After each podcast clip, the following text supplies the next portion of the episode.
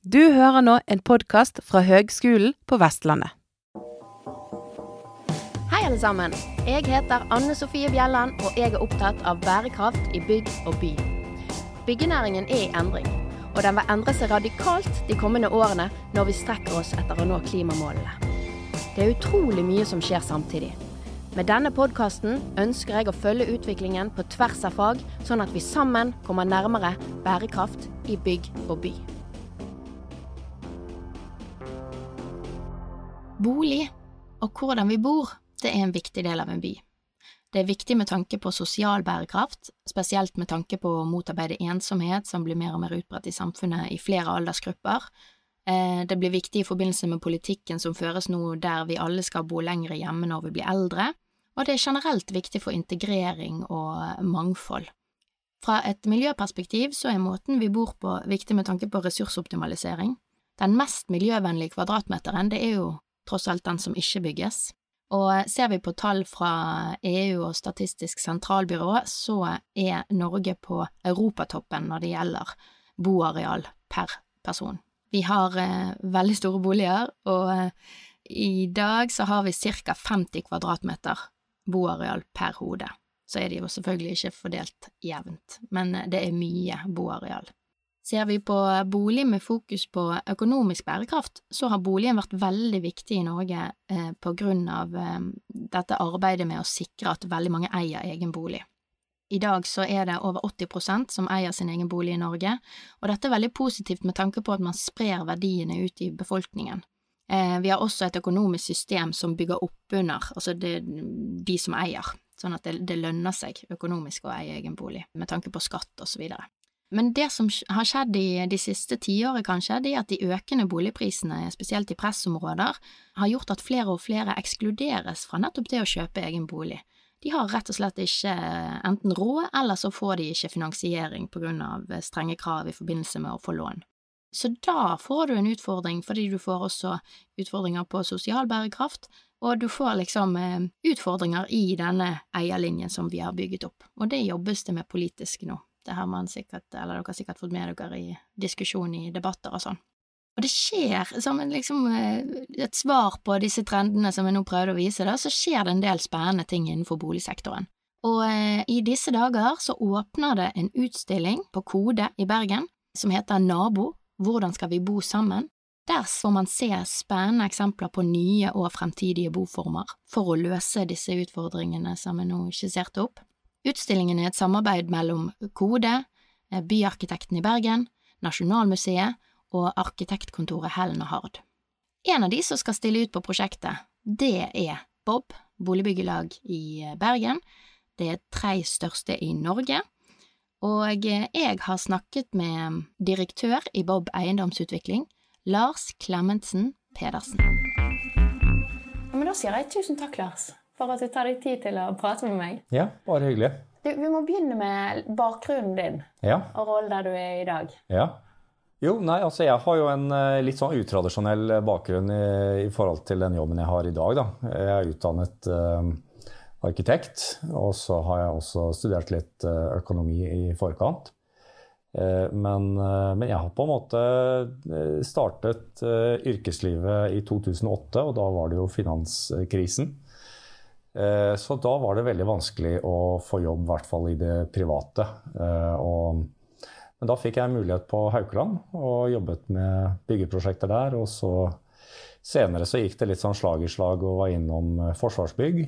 Og jobbet med null energibygg på Håkonsvern. Og så fikk jeg spørsmål om jeg ville starte Mad Arkitekters bergenskontor i 2013. Og da gjorde jeg det, og det var veldig kjekt. Um, og så senere så fikk jeg mer lyst til å komme tilbake på byggherresiden igjen. Uh, og så fikk jeg mulighet til å begynne her i BHB, og, jeg kjente jo BHB veldig godt uh, siden vi hadde tegnet mange av prosjektene uh, til BHB i, når jeg jobbet i MAD. Så det var en veldig spennende mulighet å, å få begynne her. Ja, ja. stilig. Mm. Men du, no, du har nå vært en av de første som jeg fikk med meg i bergensområdet som snakket litt om gjenbruk og sånn. Ja, Nei, det, det, også kom jo litt inn uh, egentlig i den perioden i, i uh, MAD uh, hvor vi som arkitekter var opptatt av det. Uh, og så senere så, så, så jobbet jeg eh, også for eh, byggherrer som skulle rive eh, på Minde.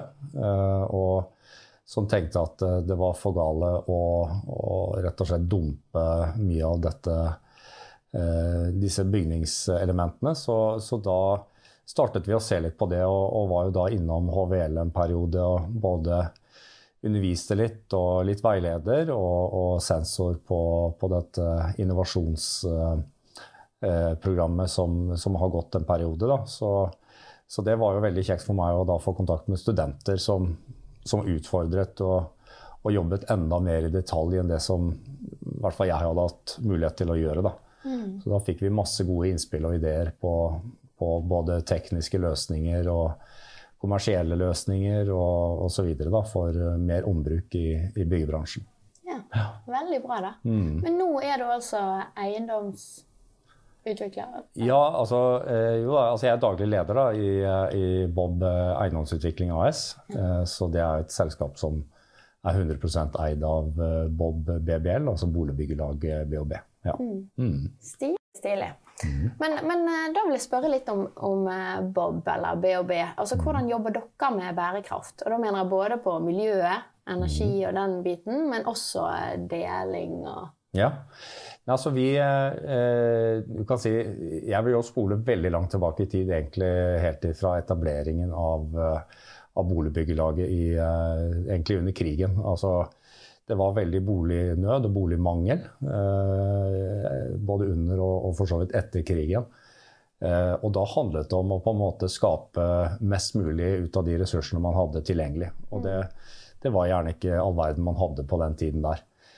Eh, men man skjønte jo veldig fort at det å bo i lag, det, det innebærer også det at man har lyst til og gjerne behov for å, å være i lag også. Så man startet jo ganske tidlig med dette å etablere noen form for felles funksjoner i, i byggene våre. Jeg har, har, bodd i flere av de selv, faktisk også i, i studietid, hvor, hvor, man hadde den type sånn fellesrom som man kunne være sammen. Um, nei, også, også, har det på en måte utviklet seg, og byggebransjen har endret seg, og, og vi har endret oss underveis. Eh, slik at eh, det er klart eh, vi, vi, kan jo nå velge å vrake på øverste hylle vi, i forhold til både bygningsmaterialer og, og, arkitektur. Og på en måte vi opptrer jo som hvilken som helst annen profesjonell utbygger. Men det er klart, det med bærekraft er utrolig viktig for å sikre at vi at, at byggene våre er holdbare, at de står seg over tid. Mm. Og fordi at vi, vi har jo på en måte vi drifter jo disse byggene også.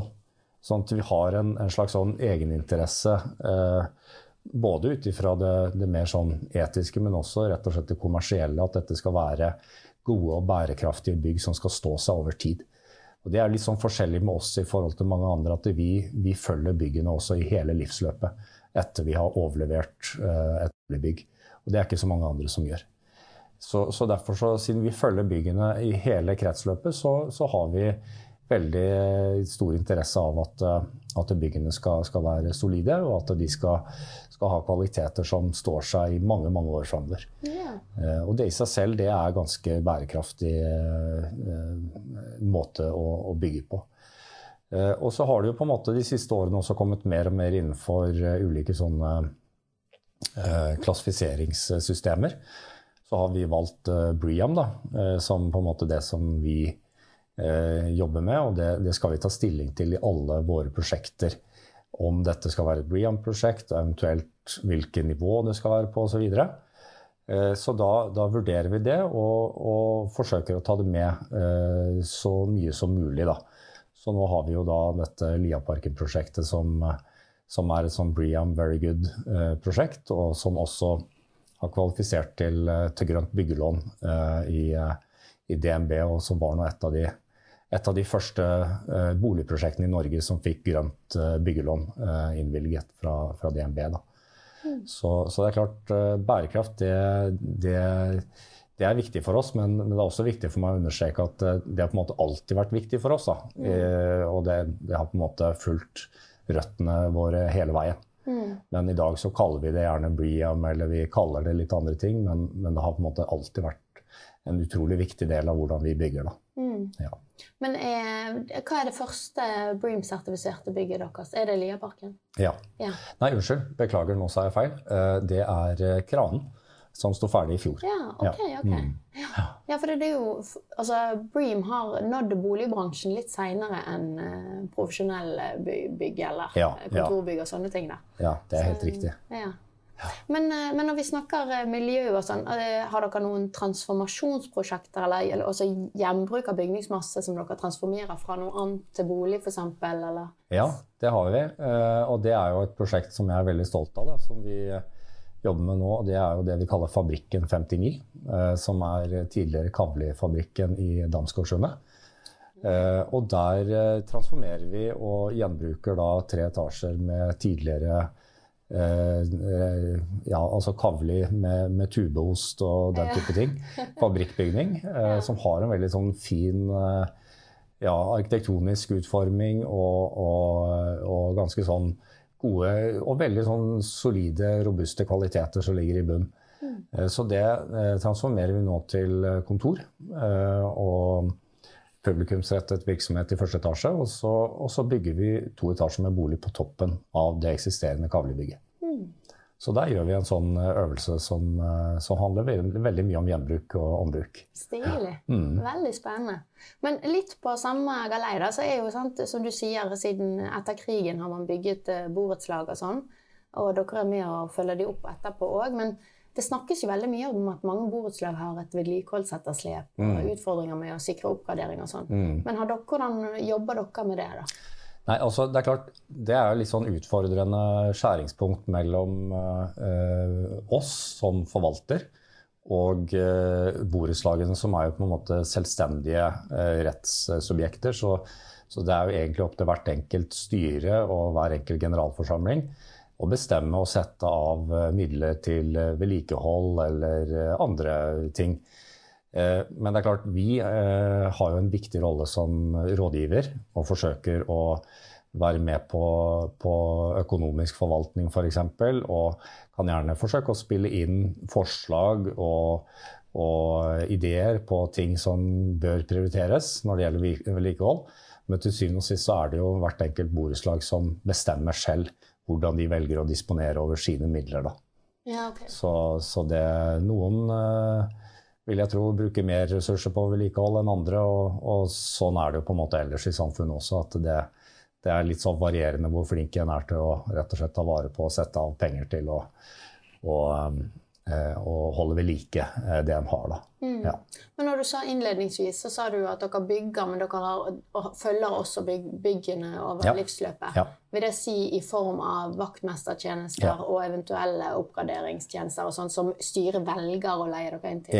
eventuelt, Eller velger ikke? Ja. ja. Og så okay. er, er, det økonomisk forvaltning med regnskapsførsel og forretningsførsel osv. Og, så ja. og så er det også rådgivningstjenester som vi gjør på på f.eks. med eh, energiøkonomisering, så er vi også inne og gjør en del sånne eh, forprosjekt og vurderinger og hjelper de å søke Enova-midler osv. Så, okay. så vi har et ganske sånn bredt eh, tjenestespekter i BOB som, som styrene da engasjerer oss på, da, på mm. forskjellige typer kontrakter.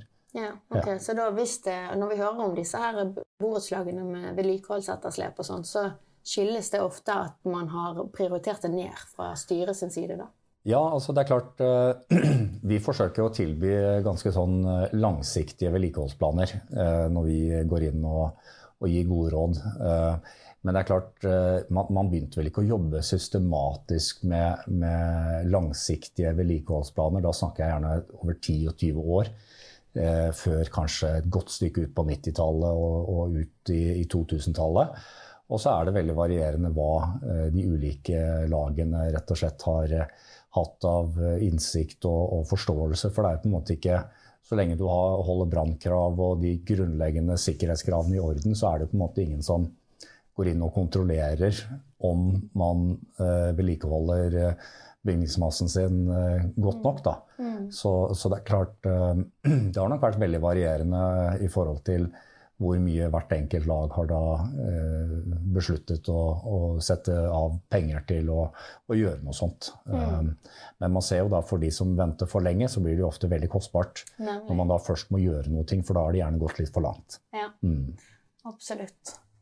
Men vi må snakke litt om disse nye prosjektene. For nå, ja. nå kommer det jo en utstilling, boligutstilling på Kode. Ja som skal stå i noen måneder, eh, som skal ta opp dette her med Han heter vel Nabo? Ja. Eh, hvordan vi bor, og hvordan vi kanskje bor i fremtiden. Mm. Og der skal dere ha eh, flere prosjekter stilt ut. Ja, kan du fortelle litt om de? Ja, nei, det, det er jo For det første syns vi det var et veldig spennende initiativ. Eh, og eh, veldig kjekt at, eh, at ja, Kode og, og byarkitekten da, tar et sånt konsept til Bergen, eh, og at man får dette eh, etablert i Bergen. Det har jo vært andre steder også tidligere, slik jeg har forstått det, så veldig kjekt at vi fikk det til Bergen. Så er det klart Vi følte jo det at dette traff oss veldig, da. Det er jo på en måte veldig dette vi ønsker å jobbe med. Og, og vi tror at ja, mennesker er sosiale vesener, og at det er Eh, ønskelig eh, for eh, de som bor i, våre bygg, å, møte andre og, og, gjerne dele på både funksjoner i, i, bygg, men også har vi jo forsøkt å ta det enda lenger til å, å dele på både ja, verktøy og biler og ting som man gjerne ikke bruker hver dag, som man da kan dele på. Sånn at og dette også treffer veldig sånn røttene våre, som jeg var inne på litt her i sted, med at man forsøker å eh, ta utgangspunkt i de ressursene man har tilgjengelig, og gjøre mest mulig ut av det.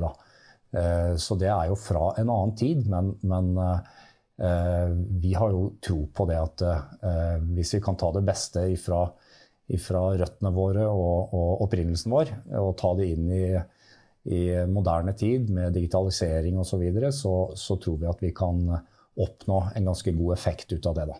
Mm.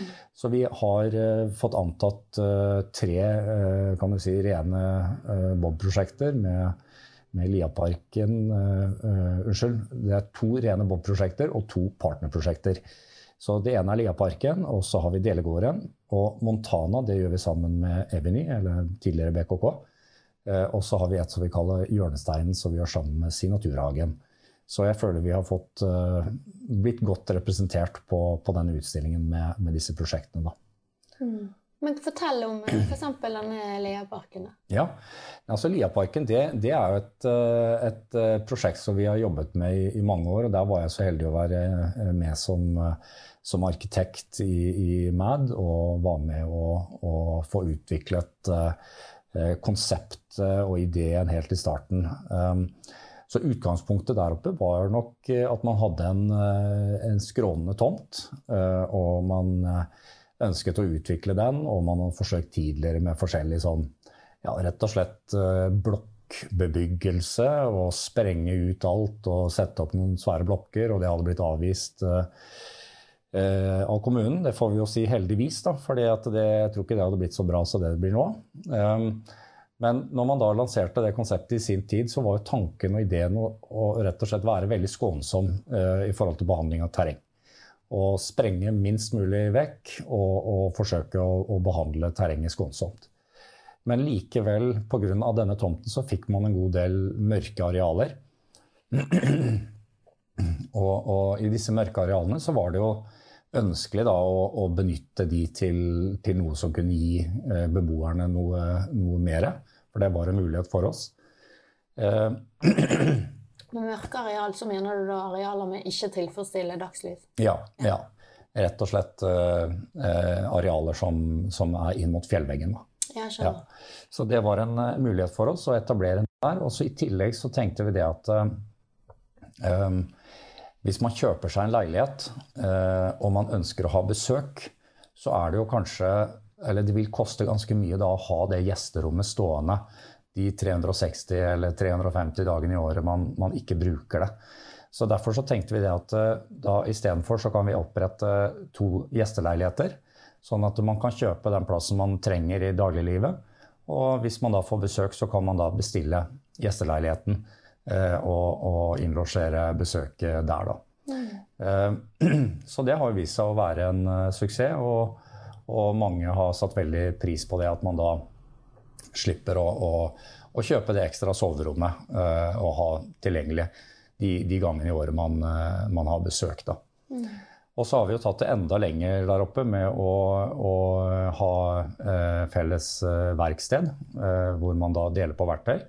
Eh, typisk en drill som er eh, Jeg tror det er snakk om at en drill brukes effektivt fem minutter i løpet av hele sin levetid, Uh, hvis man eier en drill selv. Ja. og det, det, skal vi prøve å, å, finne gode løsninger på der oppe. Mm. og så har vi også fått gjennom den prosessen Vi har hatt veldig mye sånn ja, medvirkningsprosess da, fra de som har kjøpt der oppe. Så var det kommet inn dette her med det å bestille mat eller dagligvare hjem. At uh, når man uh, bor i en enebolig, så har man gjerne en bod eller et eller annet som man kan si at budet kan plassere, uh, plassere varene i boden hvis man ikke er hjemme. Men det er litt vanskelig når man flytter i leilighet. Da kan man ikke på en måte bare plassere disse posene i gangen. Um, så, så, ut fra de innspillene der, så har vi da etablert et eget sånn lite rom hvor eh, matlevering kan plasseres. Eh, og, og, sånn at budet får tilgang der, da. Og så får man det på en måte litt ut av fellesarealene, men da inntil et sånn lite sånn eh, matrom, eller hva vi skal kalle det, matkasserom. Mm. Um, ja, så skal vi jo ha felles eh, kjøkken, selvfølgelig, og um, ja, det har vært masse ideer oppe, og ikke alle er like realistiske. Jeg tror det var snakk om mikrobryggeri en periode, men det, det har vel eh, kokt litt ut eh, i kålen etter hvert. Men eh, det har i hvert fall vært masse muligheter der, og vi har forsøkt å tilrettelegge for de innspillene vi har fått da, fra de kjøperne.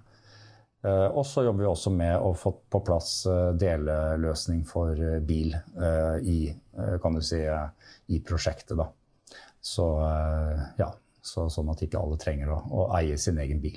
Vil det si at prosjektet Altså de kjøper seg inn i biler i tillegg, eller? Ja, altså det også blir jo en sånn til syvende og sist en frivillig ordning som eh, beboerne må benytte seg av. Da, og, men vi ønsker å tilrettelegge i hvert fall mest mulig sånn at alt er kan du si, ferdig og, og satt opp når de flytter inn.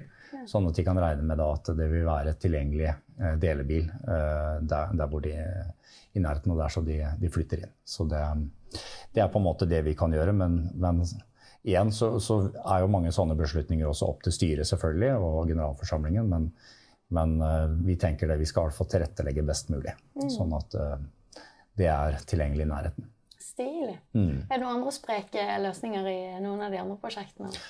Ja, altså på, på Montana der, der, jobbes det med nå bl.a. å etablere en sånn liten sånn eh, bydelskafé. Eh, blant annet, som blir enda mer kalde, et sånn møtested for både de som bor der, men også andre som bor i nærområdet. Mm. Og der skal vi ha, i forhold til parkeringsdekning, så har vi lagt opp til mange flere delebiler i parkeringsanlegget der enn i noen andre prosjekter. Så der er det vel en 25 dedikerte plasser til delebil.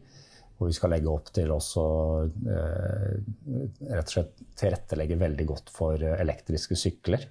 Sånn at uh, man både i forhold til lading og litt i forhold til sikkerhet og den biten der, sånn at, at det skal være et, et foretrukket alternativ til bil. Mm. og så skal vi utbedre også den Det er per i dag en ganske bratt bakke ned til ja, De kaller det for sykepleierbakken. altså det Helt øverst uh, på Haukeland uh, så er det da en del sånn boliger som ansatte på Haukeland får benytte seg av og leie i perioder. Og, og, der skal vi knytte de sammen med å rett og slett gjøre den bakken litt mer tilgjengelig da, og ikke så bratt som man er per i dag. Mm. Sånn at man skal kunne, hvis man jobber på Haukeland, så har man på en måte en snarvei ned dit. da. Mm.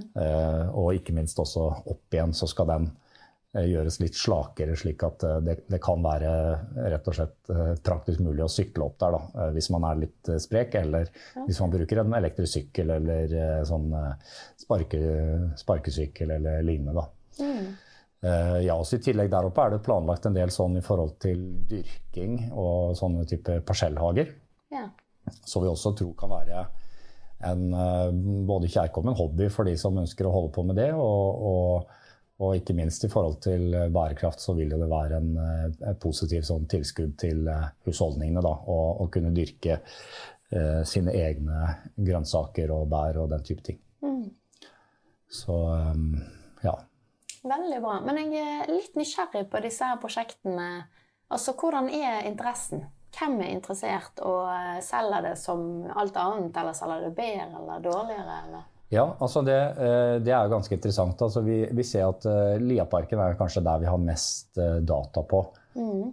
Uh, og det, det, prosjektet vil jeg si sånn først og fremst har solgt jevnt og trutt bra. Vi får gode priser i forhold til mye annet i Åsane.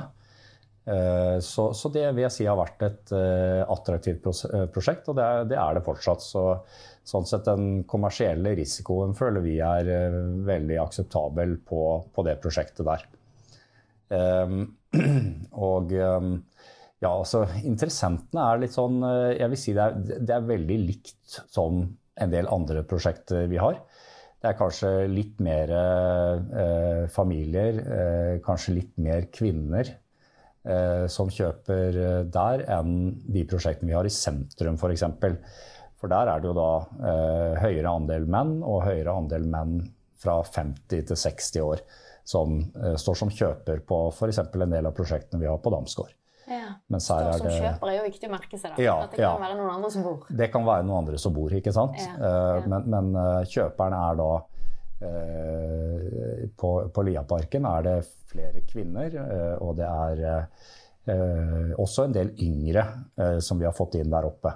Okay. Eh, og det har nok litt med rett og slett finansieringen av at det er et borettslag, sånn at vi har en gunstig finansieringsmodell på fellesgjeld som gjør at kostnadene er litt eh, hva skal jeg si, mer spiselige eh, enn, en hvis det hadde vært et sameie. Da. Ja, okay. ja. Så, um, så, så, det er nok litt andre kjøpegrupper enn, en det vi ser i de sentrumsprosjektene våre. Uh, men, uh, men vi, vi, ser det at det, det, selger like godt som hvilket som helst andre prosjekter, tenker vi. Og, og, så det kommersielle sånn sett er ikke noe eh, spesielt høyere risiko der enn en andre steder. Da. Og heller ikke pga. Uh, disse delløsningene. Det har tvert imot egentlig, tror jeg bidratt ganske positivt for, for, de som har valgt å bosette seg der eller kjøpe der. Ja. Ja. Men da må jeg spørre òg, eh, for det, sant, noe av det du sier, det er jo også et verksted, og det er en eh, leilighet på deling. Eh, og så er det et felles kjøkken. Ja. Eh, alt det er jo kvadratmeter. Ja, det er det. Så, ja, så da lurer jeg på for deres del som utvikler, for det er jo ofte det som har vært argumentet mot deleløsninger. Da, at liksom, mm. eh, hvem skal betale for de ekstra kvadratmeterne? Ja. Men går det økonomisk? Ja da, det prosjektet det, det går økonomisk. Altså det er klart, et, et, byggeprosjekt og et så stort byggeprosjekt som det som er ja, eh, mange hundre millioner kroner eh, i, i utbyggingskostnader, eh, så er det klart Det er så du sier, det kommersielle må være på plass. Men det er klart, når du har disse arealene som vi har der oppe, det er kanskje et par hundre kvadratmeter, når du fordeler det på så mange enheter, så blir det ganske lite per bolig. Så det er klart, det blir jo en del av regnestykket at man betaler for de kvadratmeterne, men man deler da de kostnadene på veldig mange enheter. Mm. Um, og det er klart, vi har jo diskutert og tenkt tanker om at eh, ja, kunne man ha kommersialisert arealene ytterligere? Og det er, det er gode ideer og gode initiativer uh, ute. Og, og f.eks. kunne man ha utfordret uh, SATS eller noen av disse treningssenterkjedene til å lage et uh, sånn minitreningssenter der oppe. Og, for det skal jo vedlikeholdes og det skal driftes, og verktøyene må skiftes ut og vedlikeholdes, de også. Mm. For at ikke vi tar på oss et sånn mikromanagement-arbeid uh, uh, ettertid ikke sant? og skal skifte ut den drillen hvis den er ødelagt, eller reparere den. Um, så har det vært en del ideer på det å rett og slett gjøre disse fellesarealene til kommersielle uh, form for næringsarealer.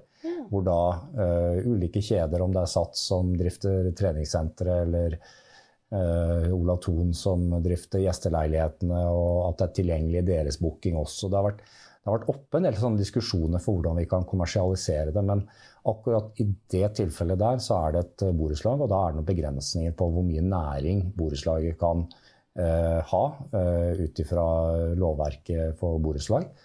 Eh, og så er det også noen begrensninger i forhold til formål før på en måte det blir definert som næringsarealer i, eh, i mer sånn kommunal sammenheng. Da. Mm.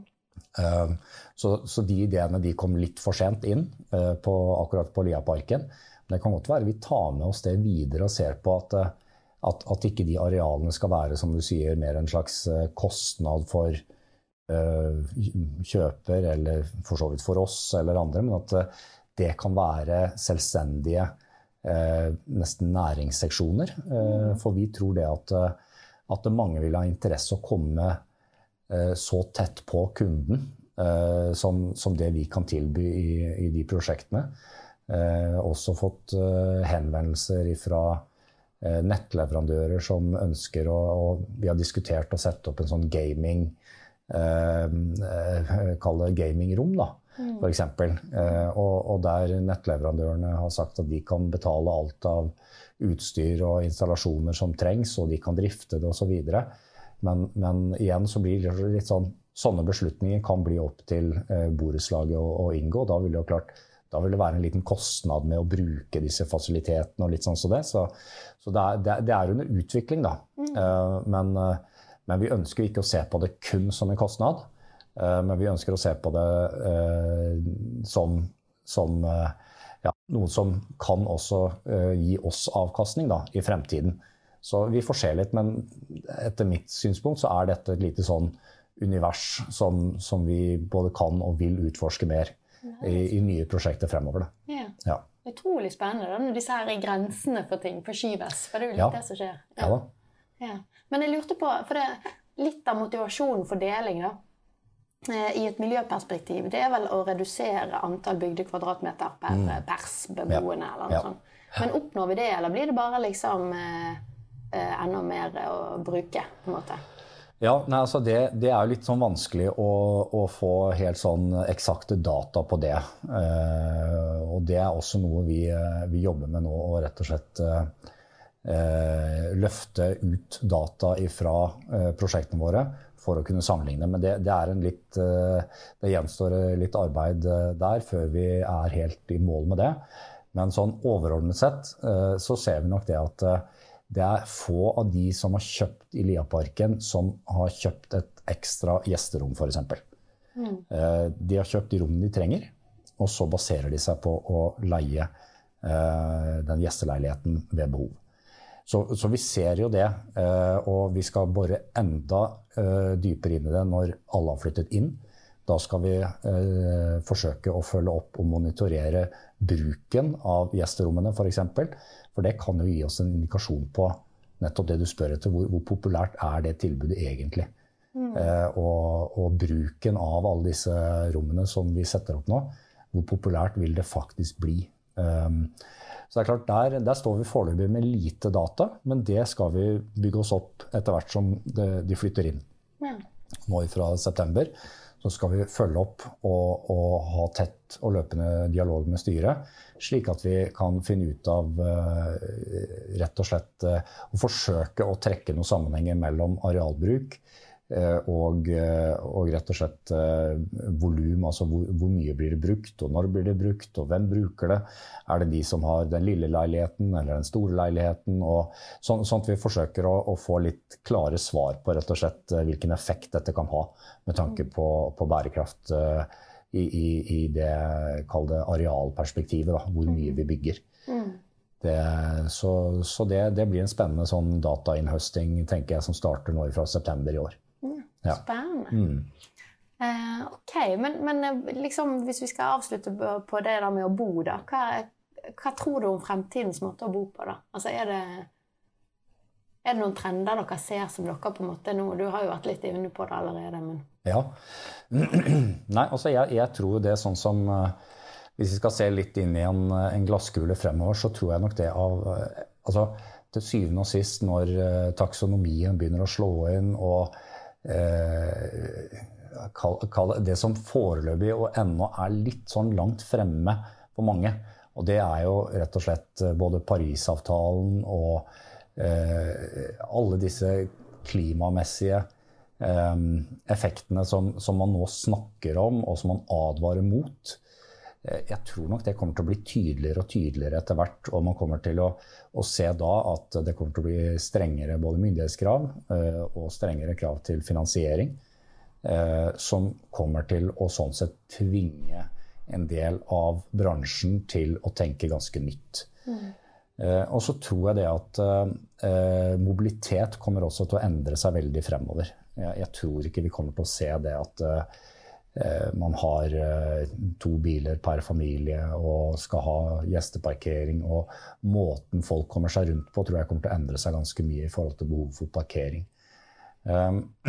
Sånn at jeg tror nok det at eh, etter hvert som eh, det kommer stadig mer krav i forhold til eh, både myndigheter og, bankene, så tror jeg nok det at boligene kommer nok til å bli dyrere per kvadratmeter, og man må gjøre tilpasninger. slik at og det er først når det på en måte merkes på lommeboken til folk, jeg tror du virkelig vil se en effekt. Da går man ifra kall det litt sånn gode intensjoner og og, og, og kall det litt sånn som vi har jobbet nå, med at vi forsøker å være litt foran utviklingen.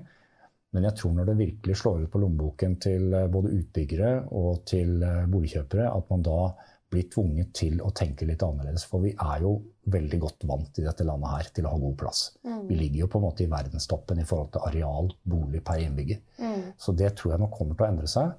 Men da, da, tror jeg nok det gjelder å finne og være kreativ og finne de gode løsningene, sånn at, eh, at man ikke mister altfor mye av de funksjonene som man gjerne ønsker seg. Og, som jeg nevnte, å ta imot gjester eller ha større selskap, f.eks. Og kunne invitere til en bursdag eller sånne ting som det. Og, og, så jeg tror nok det vil nesten være tvingende nødvendig med den type løsninger. Eh, at det vil bli mer og mer vanlig fremover. Det tror jeg nok. Mm. Mm. Utrolig spennende, altså. Ja. Men det var en annen ting jeg ville spørre deg eh, litt om. For det, uh, det er jo veldig mye snakk om at uh, det er en utfordring med treig plansak i store norske byer, og at dette gjør at noen boligutviklere slutter å bygge i byen og heller finner nye markeder. Mm. Det har vært et dialogmøte med Bergen kommune og Bergens næringsråd om dette her. Men hvordan mm. opplever dere det? Eller hvor er det skoen trykker? For alle vil jo egentlig det beste. Ja da, ja da absolutt. Hva er utfordringen? Nei, du, det, det, kunne nesten vært en podkast for seg selv. Nei, det. men, men, det er klart, altså eh, det, det, det er et slags sånn skjæringspunkt mellom uh, effektivitet og kvalitet. ikke sant? Og det å finne balansen der, den, det er jo krevende, og det er ikke sikkert verken vi eller politikerne eller administrasjonen i kommunen har et godt svar på hva som er den riktige balansen der. Mm. Uh, men det er klart, um, det som vi er veldig opptatt av i Bergen, det er jo å fremstå som seriøse og som noen som kan være en del av løsningen på Kall det en, en boligforsyning, da. Um, og, og, vi tror det at sånn som vi ser tendensen nå, hvor omegnskommunene til Bergen, eh, både vestover og sørover spesielt, er veldig på ballen med å tilby eh, tomter og effektive planprosesser osv., kombinert med den massive eh, veiutbyggingen som pågår nå, med både E39 til Os og, og ny Sotrabro, så er det klart den konkurransen som Bergen kommer til å oppleve da, når man gjerne da kan pendle inn til byen på 20 minutter med, med bil, da, ikke sant? Mm. Eh, og du har gjerne en boligpris som er eh, vesentlig mye lavere fordi det er så mye utbud, rett og slett, så presser det prisene ned. Mm. Så, så, kommer jo Det er klart, Bergen vil jo stå overfor en, en stor utfordring med, med at uh, en del kanskje vil velge å bosette seg på uh, på Sotra da, f.eks. Og, og pendle inn til eh, byen til og fra jobb. Og, og, kollektivnettet er jo greit i forhold til buss, men uh, ja. Det, det, er nok, tror jeg, en del av de som vil velge å benytte seg av bil. Og selv med elektrifisering så skal jo veiene ta hånd om dette volumet. Sånn at uh, jeg tror nok at Bergen har en liten jobb å gjøre for å, å klare å holde tritt med disse omegnskommunene som begynner å gire opp alvorlig med rett og slett tilgjengelige tomter. Mm. Um, så, så, der har man en jobb å gjøre i, i Bergen med å holde reguleringstakten oppe, og kanskje noen ganger uh, rett og slett gi en del tillit til oss som utbyggere. Uh, fordi at vi vil også det beste, og vi har jo den samme interessen i bunn og grunn. Men så blir vi gående kanskje litt lenge og diskutere en del sånne detaljer som, som, som kanskje til syvende og sist eh, Ja, eh, jeg skal ikke si de er uviktige, men, men, til syvende og sist så tar det ofte mye tid å bli enige, og det koster en del penger. Og en ganske sånn trist effekt av det hele er jo det at eh, imens vi diskuterer om å bli enige om en reguleringsplan, f.eks., så stiger prisene eh, rundt omkring. Og som igjen ekskluderer flere og flere fra boligmarkedet. Mm. Eh, sånn at eh, Eksempel på Minde er jo at når vi startet å, å planlegge der oppe, så lå vel boligprisene på noe rundt 55 000 kroner per kvadratmeter i snitt. Men på de årene som har gått uh, ifra vi kjøpte til vi nå begynner å nærme oss i hvert fall ferdig reguleringsplan på Kanalvei 90, så ligger jo prisene på rundt 75 000-80 000 per kvadratmeter i snitt. Og det er en dramatisk økning. Mm. Eh, som, som, gjør det at eh, det, det, er vanskelig å oppnå et sånn fullt eh, Kall det boligsosialt eller boligpolitisk mål om at flest mulig skal eie sin egen bolig. Mm. Um, sånn at um, det, det, er klart forutsigbare planprosesser og en en effektivitet er også viktig i det perspektivet, med tanke på at boligprisene de, de, de har en tendens til å stige kraftig hvis det er lite utbud i markedet. Og, og vice versa, da kan du si. At uh, boligprisene er ofte mer stabile hvis det er et stabilt uh, utbud i, i markedet. Mm. Og Der er f.eks. Sandsli et eksempel hvor det har vært ganske jevnt og bra trøkk på regulering. Der har av en eller annen grunn reguleringsplanene gått ganske jevnt og trutt igjennom. Mm. Der finner man priser som er jeg, vil si ganske sånn tilgjengelige da, for ganske mange. Mm. Så, så, det er veldig stor intern forskjell også i Bergen på hvilke områder hvor ting går noenlunde greit, og hvilke områder hvor, hvor vi bruker litt mer tid. Mm. så det jeg hører dette her er en egen podkast. Helt rett. ja da, det, det, er jo det. Og så er det mange forskjellige meninger om det ene og det andre. Men det er klart, eh, det, det vi, vi, eh, vi, håper i hvert fall det, at vi har klart å, å synliggjøre overfor eh, politikerne og, og kommunene at vi er, vi er, seriøse og vi mener alvor. Vi vil gjøre det beste ut av våre prosjekter. Og, og at, at, man da kan få tildelt da litt tillit tilbake om at dette skal bli ordentlig bra mm. til slutt. Så, så, tenker vi at dette, dette, kommer til å gå bra. Mm. Ja. Veldig bra. Men helt på tampen, Lars, har du noen gode råd til de som skal ut og forme morgendagens byggebransje? Ja, eh, da vil jeg jo tenke det at eh, det er jo Byggebransjen er jo et utrolig bredt fagfelt. Um, du har alltid fra spesialister med betong og stål og tre for den saks skyld, og statikere, og du har eh, elektro og, og, og veldig mange flinke Eh, folk innenfor eh, de disiplinene der. Og så har man mer på overordnet, om det går på økonomi eller juss eller prosjektledelse og, og eh, grunnerverv og arealforvaltning og arealplanlegging osv. Men og det er vanskelig å si noe som er eh, generelt for alle. Men jeg tror i hvert fall det som, det som blir viktig fremover, det er på en måte å ha Uh, har en slags sånn innforstått respekt med at, uh, at kommunen uh, ønsker en best mulig by. Vi har høye ambisjoner i Bergen. Vi er veldig stolt av byen vår. Og det, det, skal man på en måte ha med seg i, i, i, et perspektiv, uansett om man skal prosjektere stål eller om man skal lage store reguleringsplaner. Det er det at bergenserne er stolt av byen sin, og, og det det, det, man skal ha respekt for det, rett og slett. Og, og gjerne ikke tenke at eh, det er kommunen og de som er veldig dumme eller teite fordi at man ikke får eh, igjennom et eller annet prosjekt som gjerne ikke ser så veldig bra ut. For det er, eh, det er viktig med, med arkitektur, eh, tenker jeg. Ha respekt for arkitektene og, og formgivere. Og finn gode løsninger, og vær kreativ, gjerne. vil jeg tenke. Om man så jobber med og, og, skal dimensjonere et lysanlegg eller ventilasjonsanlegg, så er det viktig å og tenke gjerne både én og to og tre ganger på at dette det, det skal fungere eh, i henhold til intensjon, men det skal også se eh, greit ut, og det skal være eh, holdbart. Og det skal stå seg over tid. Eh, og, så det, det, tror jeg er viktig, å, å jobbe aktivt sammen med, med arkitektene, og så tenke litt som så at eh, at det er en veldig god grunn hvis man møter motstand, som oftest så er det i hvert fall det, en veldig god grunn hvis man møter motstand i kommunen. Da er det med intensjoner om å både ta vare på og videreutvikle kanskje noe av det beste vi har i Bergen, som er jo nettopp veldig mye av arkitekturen som, eh, som står rundt omkring i denne flotte byen vår. Så det, det, det tenker jeg er viktig å, å ha med seg, og, og, kanskje zoome litt ut fra ens egen eh, spesialitet, og forsøke å, å, å se litt hva er det den andre tenker her? Hvorfor er det den andre er opptatt av noe som kanskje jeg selv må da eh, tilpasse eller, eh, eller eh, gjøre litt på nytt osv. Så, videre. så jeg husker en professor vi hadde i sin tid på arkitektskolen, han sa 'kill your darlings'. Og det, det ligger noe i det.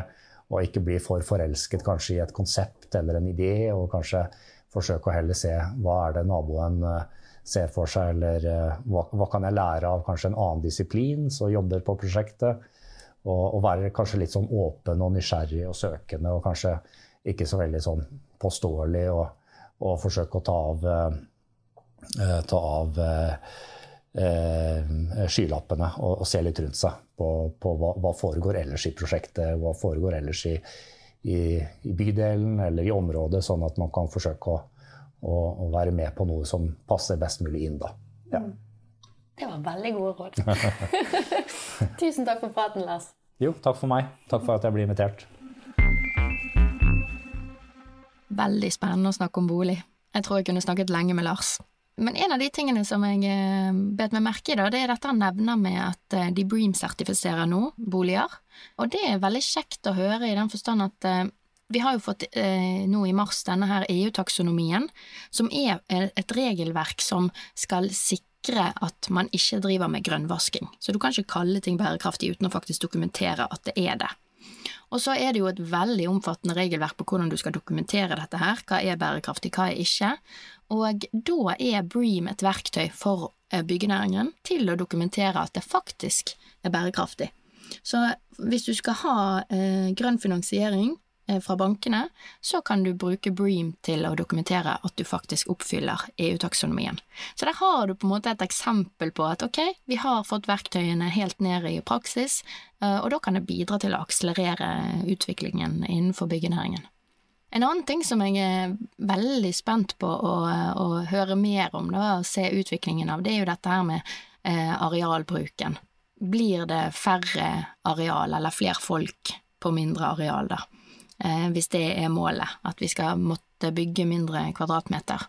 Og foreløpig i, i disse prosjektene så blir det jo på en måte ja, det kan jo godt være, nå har jo ikke Lars sett i tallene sine ennå, men, men eh, kanskje man gir opp et gjesterom her og kan akseptere en litt mindre boenhet sjøl mot at man har disse delte løsningene og sånn. Men der tror jeg det er enda mer å hente i fremtiden, da, hvis man eh, aksepterer eh, eh et økt andel av deling.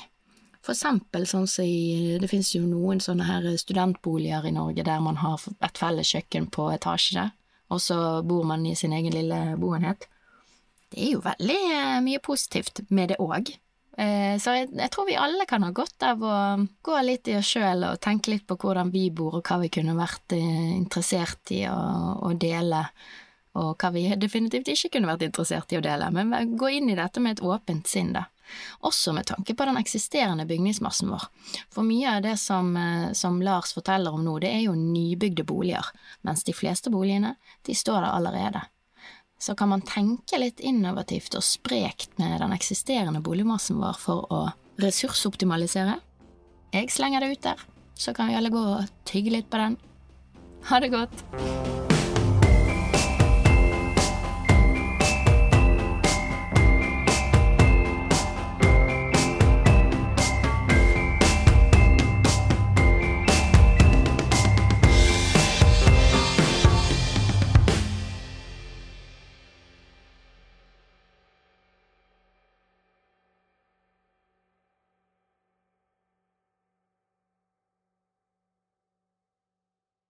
Du har nå hørt en podkast fra Høgskolen på Vestlandet. For å høre flere podkaster, besøk hvl.no slash podkast.